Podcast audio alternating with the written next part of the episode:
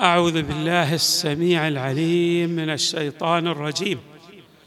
بسم الله الرحمن الرحيم والحمد لله رب العالمين.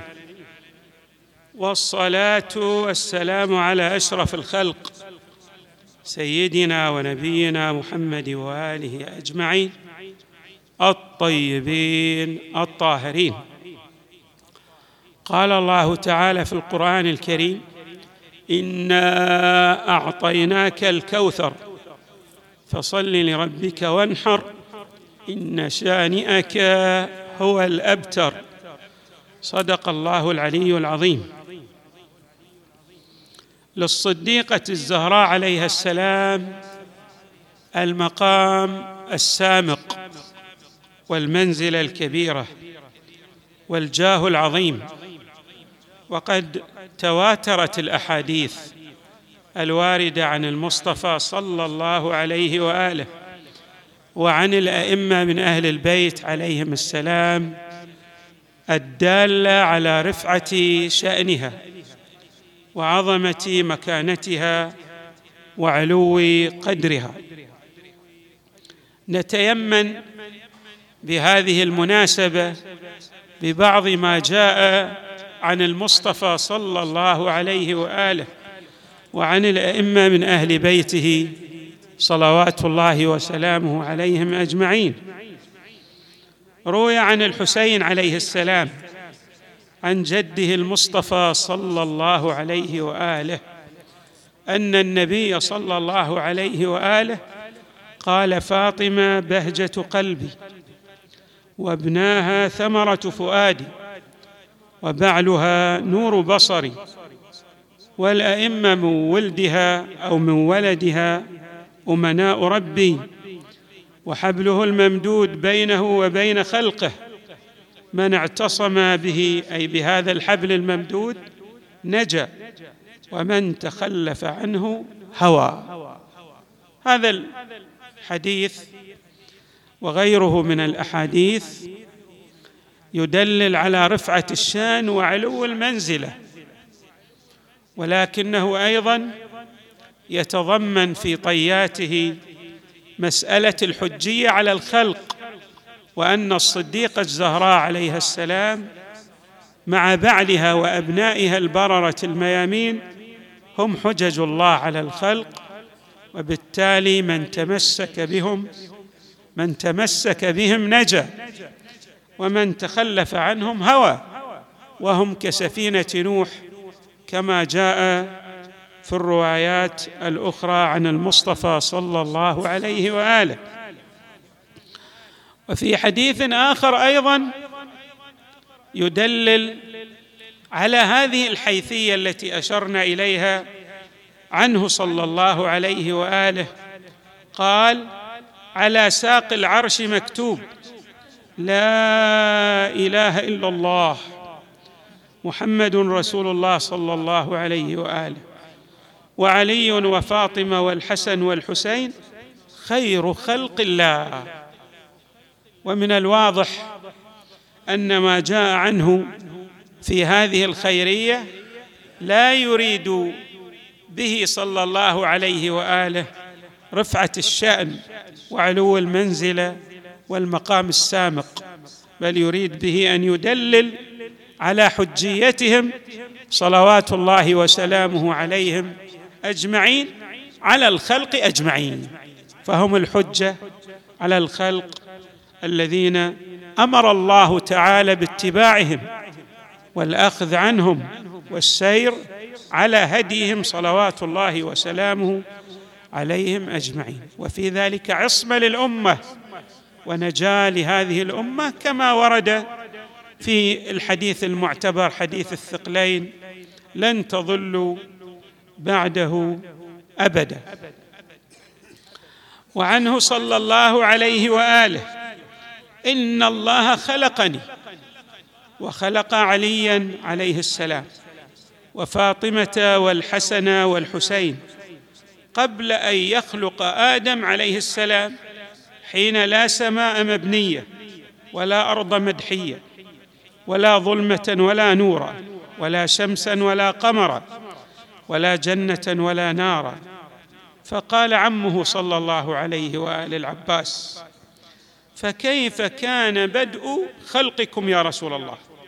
فقال المصطفى صلى الله عليه وآله يا عم لما أراد الله عز وجل أن يخلقنا تكلم بكلمة خلق منها نورا.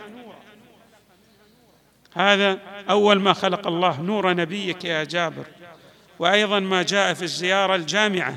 خلقكم الله أنوارا فجعلكم بعرشه محدقين. حتى من علينا بكم فجعلكم في بيوت أذن الله أن ترفع ويذكر فيها اسمه.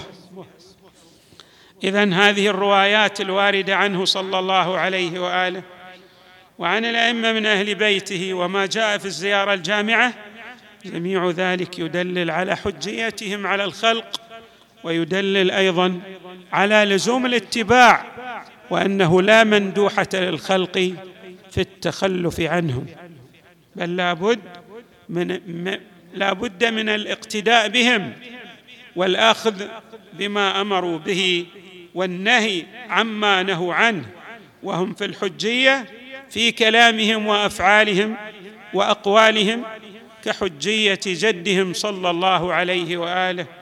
وهي أيضا في الحجية في أقوالها وأفعالها كحجية أبيها المصطفى صلى الله عليه وآله.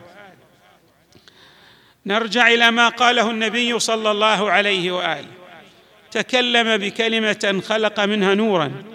ثم تكلم بكلمة أخرى فخلق منها روحا ثم مزج النور بالروح فخلقني وخلق عليا وفاطمة والحسن والحسين. فكنا اللهم صل على محمد. فكنا نسبحه حين لا تسبيح ونقدسه حين لا تقديس. وهذا أيضا فيه إشارات ولكن أشير إلى بعض تلك المعاني.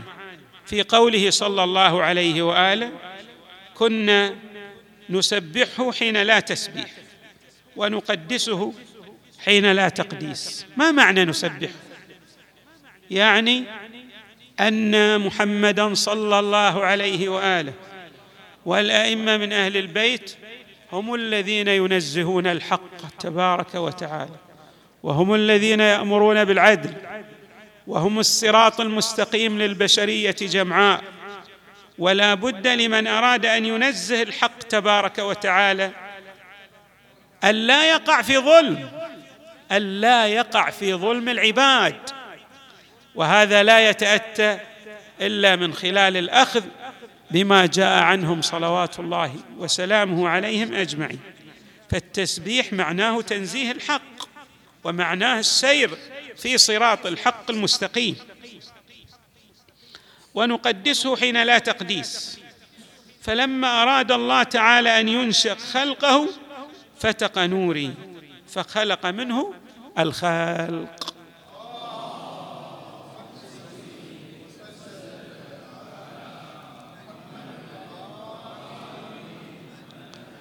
ومما جاء أيضا في التصريح بحجية الصديقه الزهراء عليها السلام. على الخلق أجمعين ما ورد عن إمامنا الباقر عليه السلام. قال عليه السلام ولقد كانت أي الصديقه الزهراء الحديث عن الصديقه الزهراء عليها السلام.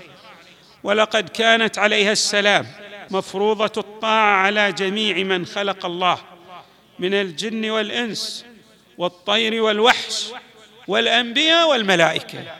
حتى أنبياء الله تبارك وتعالى هي حجه عليهم. لأننا نعتقد فيما بيننا وبين الله أن محمدا صلى الله عليه وآله مع أهل البيت هم أفضل ما خلق الله تبارك وتعالى. ولهذا تكون لهم الحجية باعتبار أن الحجية كما قرر ذلك فلسفيا وحكميا ترتبط بالرتبة الوجودية للخلق فهم مقدمون في رتبتهم على سائر الخلق. أول ما خلق الله نور نبيك يا جابر.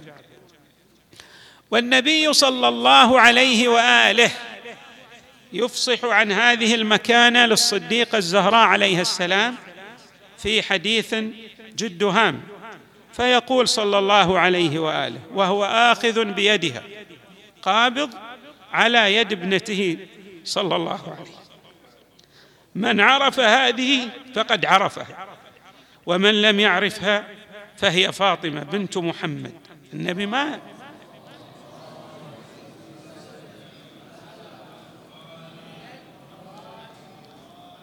لا يريد صلى الله عليه وآله أن يقول هي بنتي أنا ولدتها. فهذا معلوم لمن يخاطبهم النبي صلى الله عليه كلهم يعرفون ذلك. وأنما يريد أن يدلل على حجيتها وحجية أبنائها صلوات الله وسلامه عليهم أجمعين. ولهذا يقول من عرف هذه فقد عرفها ومن لم يعرفها فهي فاطمة بنت محمد صلى الله عليه وآله. وهي بضعة مني وهي قلبي وهي روحي التي بين جنبي.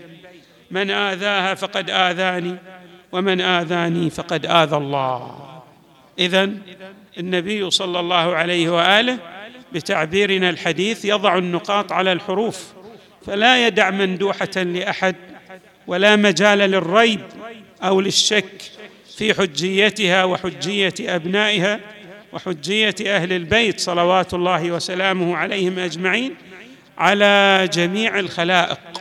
وهذا ما ينبغي أن نعتقد به وأن نجسده في أقوالنا وأفعالنا متمثلين هديهم سلوكيا في تعاملنا مع سائر الخلق أيضا من ناحية العدالة والقوامة والسير في هديهم الذي يدعو إلى العدل واحترام الطرف الآخر وإن اختلفنا معه عقديا أو فكريا أو ثقافيا لأن ذلك لا يعني أننا نظلمه لأن هذا الظلم لا يريده الحق تبارك وتعالى إذ يدعو إلى إقامة العدل تبارك وتعالى ويبين القرآن الكريم أن ذلك هو الهدف من بعثة الأنبياء وإرسال الرسل. نسأل الله تعالى أن يجعلنا مع الصديقه الزهراء عليها السلام ومع أبيها المصطفى ومع بعلها المرتضى ومع أبنائها البررة الميامين في الدنيا والآخرة. وصلى الله وسلم وزاد وبارك. على سيدنا ونبينا محمد وآله أجمعين الطيبين الطاهرين.